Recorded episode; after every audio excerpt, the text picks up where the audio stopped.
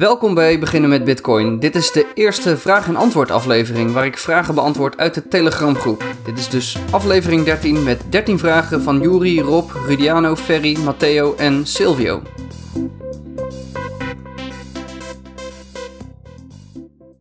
De eerste vraag is van Juri. Die vraagt: Hoeveel hou je aan in je mobiele wallet? Nou, eh, momenteel uh, ongerekend 20 euro, dat is 0,0034 Bitcoin. Of uh, ja, 350.000 Satoshi. Beetje ongeveer zoals mijn mobiele wallet. Het wordt weer tijd om hem uh, wat op te laden, maar in deze gekke coronatijd gebruik ik mijn mobiele wallet toch niet zoveel. Ja, ik doe niet te veel in mijn mobiele wallet, want uh, ja, die telefoon die kan gestolen worden natuurlijk. In principe kunnen mensen dan niks met die bitcoin, maar wat je dan wel wil doen is een nieuwe telefoon pakken en je wallet opnieuw opzetten met je backup en dan die, die bitcoin even wegsturen naar iets nieuws wat alleen jij bestuurt. Want die oude telefoon, ja, stel dat mensen je code kennen of misschien is je telefoon niet versleuteld, ja, dan kunnen ze toch bij die bitcoin. Dus ik hou er gewoon zoveel in als je eigenlijk ook in een, uh, een portemonnee zou houden. De tweede vraag is weer van Jury. Die vraagt: uh, zijn er onveilige wallets? Ja, die zijn er zeker. Dus laten we even bedenken, wat wil ik nou in een wallet? Dat zijn uh, in grote lijnen vier dingen. Ik wil dat de broncode openbaar is, dus dat die open source is, dat er mensen kunnen checken en meekijken wat er gebeurt met die wallet. Ten tweede wil ik dat de keys in de wallet zelf staan, dus niet bij een derde partij. Als het bij een derde partij zou staan, dan was het een custodial wallet. En ik wil dat de wallet ja, goede keys heeft. Ja, dat komt meteen bij dat vierde punt en dat gaat over willekeurigheid. Dit gaat hier om de private key. Die moet willekeurig zijn en onvoorspelbaar. En willekeurige getallen vinden, dat is lastig die kan je niet voordefiniëren in je code. Of ja, nee, die kan je niet in je broncode zetten, want anders zou iedereen dezelfde private key hebben. Dus wat je wil is dat die willekeurigheid, die komt dan van een aantal omgevingsfactoren. Bijvoorbeeld het aantal milliseconden dat je telefoon aanstaat, of het aantal graden dat je hem houdt. Er zitten van die sensoren in die dat kunnen voelen, of uh, de wifi-netwerken in de buurt. Dus echt iets wat willekeurig is. En willekeurige getallen krijgen, dat is lastig. Nou, dat zijn de dingen die ik uh, wil in een wallet qua security. Ja, natuurlijk wil ik gewoon dat die fatsoenlijk werkt, maar qua security wil ik die dingen. En ja, bij onveilige wallets is dat niet altijd het geval. Even ten eerste, onveilig betekent voor iedereen wat anders. Sommige mensen die zijn bang voor de NSA en sommige die zijn bang om overvallen te worden en anderen die vertrouwen ontwikkelaars van wallets niet per se zomaar. Dus het hangt er net vanaf wat jij belangrijk vindt hoe, uh, je wil, hoe die wallets beveiligd moeten worden. Dus wat kan er nou misgaan? Wat maakt een wallet in mijn ogen nou onveilig? Nou, ten eerste, als hij niet open source is, dan kunnen ontwikkelaars maar doen wat ze willen. Dan kan er onder de motorkap van alles gebeuren waar ik geen inzicht in heb. Ik wil bijvoorbeeld niet dat mijn private keys worden opgestuurd naar een of andere server. Ten tweede, ja, de wallet die moet de keys zelf hebben. Dus ja, echt die controle zelf over de bitcoin hebben. Dus dat moet lokaal staan en niet bij een derde partij. Dit is wat, iets wat ik zou kiezen. Het is niet per se technisch onveilig, maar het is gewoon niet ideaal. Want ja, een derde partij die kan omvallen en daar kan een probleem gebeuren. En waar ook, uh, als laatste antwoord op de vraag, zijn er onveilige wallets? Ja, die willekeurigheid, dat kan een probleem zijn. Je wil niet dat een ontwikkelaar jouw key kan raden, jouw private key kan raden, of misschien zelfs heeft voorgeprogrammeerd. Want stel je voor, je bent een uh, kwaadwillende ontwikkelaar en je brengt een wallet uit en je hebt alle ontvangstadressen, die heb je al voorgeprogrammeerd, voorgedefinieerd. Nou, als iemand dan die wallet gebruikt en denkt zelf bitcoin te ontvangen, dan komen die naar jouw uh, wallet van, ja, jij als kwaadwillende uh, ontwikkelaar. En datzelfde geldt eigenlijk voor die willekeurigheid. Als jij een wallet maakt waarvan de keys makkelijk te raden zijn, ja, dan uh, is dat ook een probleem. Dan kunnen die uh, bitcoins ook gejat worden. En dit soort dingen, dat, dat, die zijn ook gebeurd in het verleden. En daarom gebruik ik echt de, de bekende grote open source wallets waar zelf de eigen keys in staan. De derde vraag. Ja, Juri die heeft de meeste vragen gesteld, dus uh, weer een vraag van Juri. Die vraagt, als je via een bepaalde app een wallet hebt aangemaakt, kan je die seed dan ook in een andere wallet gebruiken van een andere ontwikkelaar? Nou, even een herinnering, hoe, uh, hoe ging dat met die seeds? De eerste keer start je je wallet en dan maakt je wallet een private key. Met die willekeurige dingen waar ik het net bij vraag 2 al over had. Sensoren, externe omgevingsfactoren, dat moet echt willekeurig zijn. Nou, die heeft die key gemaakt. En die, die master key dus, die, ja, die ene key, dat is dan een groot getal en dat is echt het geheim. Die kan je weergeven als een aantal woorden, als een seed phrase. En dat is uh, BIP 39 en een BIP is een Bitcoin Improvement Proposal. Dat is zeg maar een afspraak van uh, hoe bepaalde protocollen werken. En zo staat er ook vastgelegd wat de woorden zijn die een seed kunnen vertegenwoordigen. En als jij uh, twee wallets hebt die BIP 39 hebben, nou dan in theorie kan je de seed dan importeren. En als je dat nou doet van dezelfde wallet ontwikkelaar naar uh, weer een nieuwe wallet van dezelfde ontwikkelaar, dan werkt dat sowieso. Want ja, die, die leest die seed gewoon op dezelfde manier in. Maar als je nou andere software gebruikt, dan worden soms net even andere instellingen gebruikt om dat in te lezen. Dus in theorie, ja, dat kan werken. En als je weet wat de originele wallet was waar die seed mee is gegenereerd, dan is hij zo goed als altijd te herstellen. Want dan weet je namelijk de instellingen die de wallet gebruikte om met die seed om te gaan. En als we het even technisch bekijken, dan heeft het vooral te maken met het derivatiepad. Want die, eh, die seed, dat grote getal, dat, ja, dat is de, de master key. Daar worden dus adressen van afgeleid. Dat kunnen honderden adressen zijn, als dat nodig is.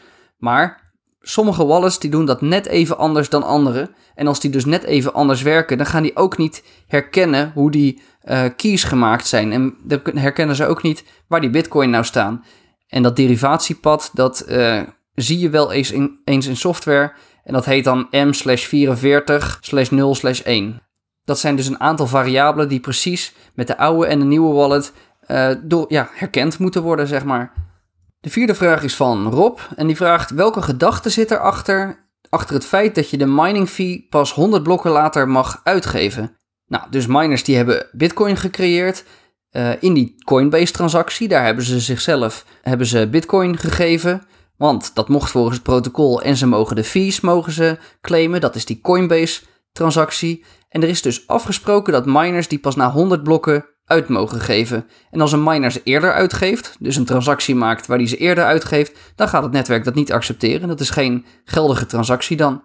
Nou, en die Coinbase coins, die, die nieuw gecreëerde coins, die zijn dus bijzonder. Want dit zijn de enige bitcoin die uitgegeven kunnen worden, die eerst helemaal nog niet bestonden. Nou, eerder, in een eerdere aflevering heb ik het al over forks gehad, waar het dus kan gebeuren dat twee miners ongeveer tegelijkertijd een blok vinden. En op dat moment kan het dus zijn dat er twee opties zijn waar die blockchain heen kan. En pas zodra er weer een langste chain is, ja, dan wordt die gekozen. Maar dan wordt wel dat andere blok, wat ook tegelijk uh, gevonden was, dat andere blok wordt genegeerd. En dat telt dus niet mee. Maar dat andere blok, dat had wel nieuw gecreëerde bitcoin. En die wil je niet dat die ooit uitgegeven kunnen worden. Nou zeggen we voor normale transacties dat we zes confirms willen wachten. Zes blokken willen wachten als je echt zeker wil zijn. Nou, en als hij zes blokken diep zit, dan is hij echt veilig. En door nou 100 blokken te wachten, dan uh, ja, kan ongeveer elk scenario worden uitgesloten dat er iets misgaat. Na 100 blokken zit, ja, zit die transactie echt extreem vast. En 100 blokken, dat uh, kost volgens mij ook maar 16 uur. Dus uiteindelijk valt dat ook wel mee. De vijfde vraag, die is uh, ook weer van Rob. En die zegt, uh, die heeft het over een oude aflevering waar ik het had over de 51% attack. En zijn vraag is, je zei dat die zes confirmations, dat je die moet afwachten in, plaats, uh, in verband met een 51% attack. Maar dan vraagt Rob, is het ook niet zo om zeker te weten dat je in de blockchain komt in plaats van een fork die het later niet blijkt te worden? Ja, en Rob, dat klopt. Dat is precies uh, hoe het zit. Die, uh, die zes blokken, die, uh, die kosten dus een uur om te minen. En zes blokken betekent dat je dus een uur lang zoveel rekenkracht moet hebben dat het zo goed als niet terug te draaien is. En dat terugdraaien, dat is inderdaad wat je in je vraag stelt, dat je in de blockchain komt. En na een uur is dat, ja, je moet, nog no je moet nooit nooit zeggen, maar dat is zeer onwaarschijnlijk. En als je de apparatuur al kan vinden voor een, uh, voor een uur bitcoin minen, het is niet zomaar in te huren, dan moet je echt die speciale apparatuur voor hebben. Maar zeg dat je het kon vinden, dan kost dat 3,5 ton om een aanval te doen. misschien als je een transactie wilt doen, als je je huis hebt verkocht van meer dan 3,5 ton, dat je misschien nog langer wil wachten. Misschien die 100 blokken die, uh, waar het net over ging. Ja, dan kost het opeens uh, 6 miljoen om aan te vallen. En er is een website voor, die zal ik in de show notes zetten. crypto51.app. En dan is 51 is, uh, gewoon als de getallen. En daar kan je zien wat het dus kost om het netwerk een uur aan te vallen. Vraag nummer 6 is uh, ook van Rob en die vraagt: Hoe vind je nou een node om een transactie heen te sturen in een decentraal systeem? Omdat er geen hoofdnode is waar je tegenaan kan praten. Nou uh, ja, Rob, je hebt er duidelijk over nagedacht. Dit is het, het klassieke bootstrap-probleem van peer-to-peer netwerken. Er zijn dus inderdaad geen centrale hoofdnodes om mee te beginnen. Dus ja, als jij je node dus opstart, wat die zou kunnen doen, die zou kunnen beginnen met het uh, allereerste IP 1.0.0.0. Dan kijken of daar iemand Bitcoin terugpraat. Nou, en als dat niet zo is, 1.0.0.1 en zo verder. Nou, dat, dat is nogal wat werk. Maar stel nou dat hij een node tegenkomt, dan uh, kan hij aan die node vragen. Dan stuurt hij het commando getOther, ADDR geef mij wat adressen van andere nodes die bestaan. Dus zodra je eenmaal maar één node hebt, dan kan je meteen verbinden met een hele hoop andere nodes. Maar goed, dat is gewoon niet praktisch om alles te gaan proberen. En daarom zijn er in de broncode wat uh, adressen gezet van uh, core developers, waaronder uh, een Nederlander, George Provoost. Nou, technisch gezien zijn dat geen adressen, het is meer een, een soort systeem gebaseerd op DNS, ehm, waar je aan kan vragen joh, wat zijn nou een paar adressen? En als je DNS-software hebt, dan kan je een DNS-query doen, een vraag naar seed.bitcoin.sprovoost.nl. En dan krijg je IP-adressen terug van nodes, uh, 23 IPv4-adressen en 14 IPv6-adressen. En dat ververst ook, dus dat kan je vaker proberen en dan komen er andere adressen uit. En zo uh, kan je node beginnen. En als je node adres heeft gevonden, dan slaat hij die ook op in een database. Zodat als hij de volgende keer opstart, dat hij meteen kan beginnen. En je zou ook je node gewoon uh, wat adressen kunnen configureren in een configuratiebestand, dat hij dan daar naartoe verbindt. Dan kreeg ik twee vragen naar aanleiding van aflevering 9. En dat was de aflevering over anonimiteit en over mixen. En Rudiano die heeft een vraag over Know Your Customer. Hoe er nou uh, je identiteit, hoe dat gekoppeld blijft aan je Bitcoin. En Rudiano die vraagt: Als je bij een broker met KYC, Know Your Customer, uh, als je je idee hebt laten zien dus. Hij vraagt: Als je bij een broker met KYC je Bitcoin hebt gekocht. En dan daarna stuur je eens naar Kraken, dat is een, uh, een andere Bitcoin exchange. En daar ben je niet bekend, zegt hij dan. En daar doe je een aantal trades en dan gaat hij terug naar jouw wallet. Zijn die nieuwe bitcoins die je dan van Kraken terugkrijgt, zijn die nog te koppelen aan jouw identiteit? Nou, even back to basics. Hoe werkt dat koppelen nou precies? Dus je koopt in de eerste stap bitcoin met jouw ID-bewijs. Je gebruikt KYC, Know Your Customer. Je moet daar je ID-bewijs laten zien en je koopt je bitcoin. Die bitcoin die zijn dan dus gekoppeld aan jou. Want die exchange die kent jou en die stuurt die bitcoin dus ook naar jou toe. Dus ze weten bij welke persoon die coins horen, ook als jij die later uitgeeft. Die, uh, diezelfde bitcoin. Want ja, ze hebben het naar jou gestuurd, ze weten bij wie dat hoort. En als dat later wordt uitgegeven, dan weten ze ook uh, wie dat heeft uitgegeven. Maar wat Rudiano dus zegt, ik wil niet uh, ze meteen gaan uitgeven, ik stuur ze dan naar Kraken toe, een ander soort exchange. En inderdaad, als Kraken jouw identiteit niet kent, ik vraag me af of dat nog steeds zo is, want volgens mij moeten bijna elke exchange die moet wel dat, dat KYC, dat Know Your Customer, doen. Maar goed, stel dat je een anonieme exchange hebt inderdaad, dan is in principe de, ja, die link in theorie daar al gebroken. Want uh, Kraken, als die jou niet kent en inderdaad daarna weer uh, Bitcoin wegstuurt, de Bitcoin die je terugkrijgt van Kraken, dat zijn meestal niet letterlijk degene die jij erin hebt gestuurd. Dus ja, er zijn gewoon een hele hoop mensen die naar zo'n exchange toesturen. Een hele hoop ja, input zou je het kunnen zien. Maar ook een hele hoop waar uitgestuurd wordt. En dat matcht niet altijd één op één met input en output. Dus je zou zo'n exchange, dat zou je eigenlijk kunnen zien als een soort van hele grote mixer. En dan moeten we er ook even van uitgaan dat we uh, die exchange, dat kraken, dat we dat kunnen vertrouwen. Dat die geen uh, persoonsgegevens kopen van, uh, van, die, van die analysebedrijven, zo, die, die de-anonymisatiebedrijven. En ja, in theorie ben je dan eigenlijk een soort van aan het mixen. Want er zijn een hele hoop inputs, een hele hoop mensen die sturen. En er zijn wat outputs.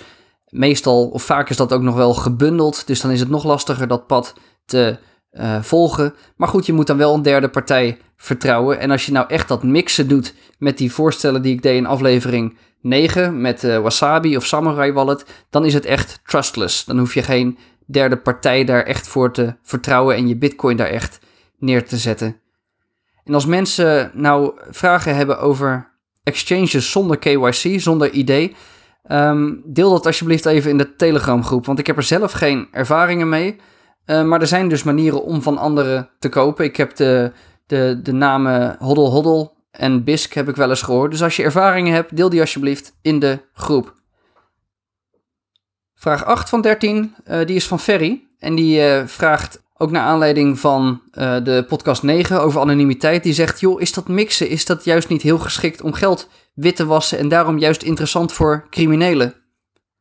Ja, dat is wel ding met anonimiteit. Het is voor iedereen. Je geeft of iedereen anonimiteit of niemand. Dus ook, uh, ja, criminelen technisch gezien ook. Dus je hebt, ja, je hebt veiligheid voor iedereen of veiligheid voor niemand. En als je een, een backdoor in zou bouwen of een, een trucje uh, tegen criminelen, dan maakt dat ook de uh, ja, legitieme mensen minder veilig. Dus anonimiteit is voor iedereen. En uiteindelijk iedereen heeft uh, wat te verbergen. En niet alleen die criminelen hè, is dat goed voor. Ik bedoel, jij hebt waarschijnlijk ook gordijnen thuis. Net als criminelen uh, thuis gordijnen hebben. En dat maakt gordijnen niet slecht. Dan vraag 9, dat is de laatste vraag over anonimiteit en dat mixen van die uh, podcast nummer 9. En dat is Matteo die vraagt, wat zijn op dit moment de nadelen van het mixen? Die vraagt, komt er echt een streepje achter je naam als je het wil uitgeven? En dan zegt hij ook, in BTCP-server, dat is ook een soort van, ja, een soort wallet, maar een hele omgeving zit eromheen. En hij zegt, ik kan geen functie vinden om bijvoorbeeld gemixte coins te weigeren. Het antwoord is dat dat wel meetelt. Zeker bij Nederlandse exchanges. Ja, die moeten een risicobeleid hebben. Die moeten een risicoscore moeten ze berekenen voor die coins die ze ontvangen. En ik heb al een reply gezien van bitonic.nl. Ik denk niet dat zij publiek mogen maken wat hun algoritmes precies zijn, hoe dat uh, precies werkt. Maar ja, zij moeten zich wel aan de regels houden. Zij moeten een risicoanalyse doen en ze zeggen wel dat dat meetelt in de risicoanalyse. Dus ze zeggen niet het is slecht of het is goed, maar ze zeggen het telt wel mee in uiteindelijk die risicoscore van jou als klant. En dat is ook een van de redenen waarom ik eigenlijk zou willen dat veel meer mensen dat mixen zouden gebruiken, dat dat normaler wordt. En niet alleen de mensen die anonimiteit zoeken, maar iedereen dat die gewoon standaard nog meer anonimiteit krijgt.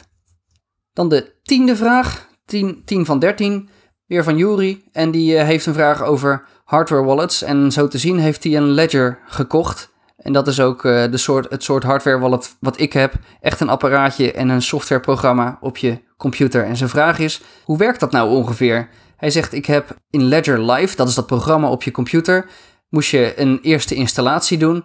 En uh, nu is het dus uh, uit te lezen, de wallet. Maar vraagt Jury, moet dat ding, dus dat hardware ding, moet dat nou aanstaan en altijd aangesloten zijn om een transactie te kunnen doen? Zowel te zenden als te ontvangen is de vraag. Nou, toen heeft Ferry in de chat heeft dat al deels beantwoord. En die zei uh, correct, om een transactie te doen moet die aangesloten zijn. En dat klopt ook. Maar laten we even nadenken over wat wallets nou deden. Twee functies. Sommige wallets die houden ook de blockchain bij. Maar wat ze allemaal doen is de secret keys goed veilig houden. Tenminste, dat is de bedoeling dat die dat veilig houden. En hardware wallets die zijn daar extra goed mee. Want die hebben specifieke chips om die secrets veilig te houden. En die secrets die werden dus gebruikt om uit te kunnen geven. Want in je transactie had je een input, een output. Dat is allemaal publieke data. Maar als derde had je bij een transactie ook een signature. En die moet je echt maken met je secret key, met je geheimen van je wallet. En het mooie van zo'n hardware wallet is dat die geheimen, die kunnen fysiek niet van dat apparaatje af worden gehaald. Nou, en wat doet die hardware wallet dus? Als er een transactie gemaakt moet worden, die, uh, die babbelt samen met dat programma op je computer. En op je computer wordt die transactie gemaakt. En die transactie heeft dus de, de input nodig. Vanaf de blockchain haalt hij dat vandaan. Die heeft de output nodig. En dat gaat naar een nieuw adres als hij een transactie aan het maken is. En dus die signature. En die eerste twee delen, die input en die output, die worden gewoon op de computer gemaakt. Maar daarna om een signature te krijgen, stuurt de software op je computer, stuurt die transactie naar die USB-stick en daar wordt die gesigned en dan komt die terug. En dat signen dat gebeurt dan met die private keys echt op die USB, ja, ja op dat USB-device zelf. De hardware wallet die signed de transactie terug naar de software op je computer en die eh, zendt het dan naar het netwerk. Dus ja, om een transactie te doen moet die wel uh, aangesloten zijn. Om te ontvangen hoeft niet per se, want die, die publieke keys waar naartoe ontvangen kan worden, die adressen die zijn niet echt geheim. Dus je hebt uh, wallet software die dat gewoon op je computer bewaart. Maar dus als je wil uit gaan geven, dan uh, moet je hem aan gaan sluiten. Dan de elfde vraag. Dit duurt al langer dan ik dacht. Ik dacht dat ik er sneller doorheen zou gaan. Maar de elfde vraag is van Silvio. En die zegt even een vraag. Ik zie bij twee exchanges zie ik verschillende prijzen van Bitcoin. En dan zegt hij, dat betekent toch dat ik hem goedkoper kan kopen op exchange A en dan weer duurder verkopen op exchange B. Hoe kan dat? Dat kan toch helemaal niet? Nou, op zich, ja, dat kan dus uh, dat wel. En uh, dat gebeurt in normale beurzen, gebeurt dat ook. En dat noemen we arbitrage. En er zijn ook heel veel mensen die dat willen doen, want het is redelijk veilig en makkelijk geld verdienen. Dus je koopt inderdaad bijvoorbeeld op Exchange A, koop je voor 9000 dollar koop je een bitcoin en dan stuur je die snel naar een andere exchange en daar uh, verkoop je hem weer voor 9010 dollar. Nou, dat is dan 10 dollar winst. Maar je moet wel rekening houden, er zit wat tijd om die bitcoin van de een naar de andere exchange te krijgen. Dat is een risico. En je hebt ook nog transactiekosten. En daarnaast zijn er gewoon heel veel mensen die dit proberen. Dus die marges die worden steeds kleiner. Maar ja, er is uh, zeker geld te verdienen. De ene laatste vraag komt van Yuri en die gaat over shitcoins. Die vraagt waarom worden shitcoins, waarom worden die nou shitcoins genoemd en waarom blijven er maar steeds nieuwe crypto bijkomen? Nou, die term die kwam uit uh, november 2010. Uh, bedankt uit de chat Zwoptrek voor die achtergrond. Uh, uit 2010 dus, waar iemand zegt... If Bitcoin really takes off, I can see a lot of get rich quick imitators coming onto the scene. Gitcoin, Nitcoin, Witcoin, Titcoin, Shitcoin. Dus er was al iemand die in 2010 dacht... joh, als dit Bitcoin groot wordt dan uh, gaan er mensen profijt van proberen te maken. En daar komt die term dus vandaan, dat shitcoin. Mensen die geld willen verdienen met een mooi technisch verhaal. En dan uh, ja, ja, die coins willen verkopen. Vaak genereren ze dan van tevoren een hele hoop coins voor zichzelf. En dan uh, verkopen ze de rest. En dan kunnen ze ook hun eigen spullen verkopen. Er zullen vast een paar goede ideeën tussen zitten. Tussen die duizenden coins. Maar veel coins die leven vooral op hype en marketing of ja, gewoon puur oplichting. Sommige coins die worden wel als proeftuin gebruikt voor, voor nieuwe functies. Dat bijvoorbeeld iets eerst in een altcoin wordt geïmplementeerd en dat, dat dat later in Bitcoin komt als het echt iets goeds is. Want die altcoins die kan je makkelijker veranderen. Bitcoin, voordat je een verandering in Bitcoin hebt, dan heb je echt een hele hoop moeite moet je doen. Maar ja, bij altcoins kan je makkelijker veranderen. Dus altcoins die kunnen ook een, een proeftuin zijn. De meeste van die altcoins, dat zijn wel ja, vooral uh, grote beloften en weinig uitkomsten wat ik zie. Zelf zit ik nu 100% in bitcoin. Ik heb mijn leergeld al betaald. Ik heb mezelf al gek laten maken ooit door altcoins en daar wat van gekocht. Maar dat bleek ook, degene die ik dacht dat heel mooi waren, dat bleek ook alweer uh, uh, troep te zijn, zeg maar. Dus aan mij is het niet meer besteed. Dan de laatste vraag van de grootste vraagsteller uit de groep, Juri, hebben we weer. En die vraagt nu: kunnen de overheden het niet zo moeilijk maken dat Bitcoin gewoon helemaal niet meer aantrekkelijk is of wordt? Ja, en overheidsverboden uh, die uh, doen wel wat met de Bitcoinprijs en het vertrouwen in Bitcoin. Ja, wat kunnen die bijvoorbeeld doen? Ze zouden het helemaal kunnen verbieden. Zeggen dat je bepaalde code niet meer mag draaien. Nou, ik zie dat niet zo snel gebeuren. Dat is ook nog niet eerder gebeurd. Wat ze makkelijker kunnen doen is het verbieden van de, de on-ramps. Dus de manieren om van het normale geldsysteem naar Bitcoin te gaan. Zoals bijvoorbeeld exchanges zoals we er in Nederland nog een paar over hebben. Dat, nou ja, dat die aan uh, lastige regels moeten voldoen. En we zien al dat dat uh, gevecht uh, aardig hard gevochten wordt. Dat het systeem wel aardig aan het terugvechten is en regels aan het opleggen is. Maar er zijn gelukkig nog wat bedrijven die het, het volhouden in Nederland en wereldwijd ook. Nou, alles bij elkaar. Het interessante is, als zij nou het tegenhouden of het willen verbieden, dan zeggen ze eigenlijk dat het werkt. Want iets wat niet werkt, dat ga je ook niet verbieden. En dat maakt eigenlijk Bitcoin nog wel een, uh, een stuk krachtiger. En er zullen altijd landen zijn waar het mag. Dus ja, als inderdaad land A nou zou zeggen we verbieden het en daarmee impliciet zegt omdat het uh, zo goed werkt, nou dan uh, gaat die waarde in een ander land omhoog en dan ja, als verbiedend land schiet je eigenlijk jezelf in je voet.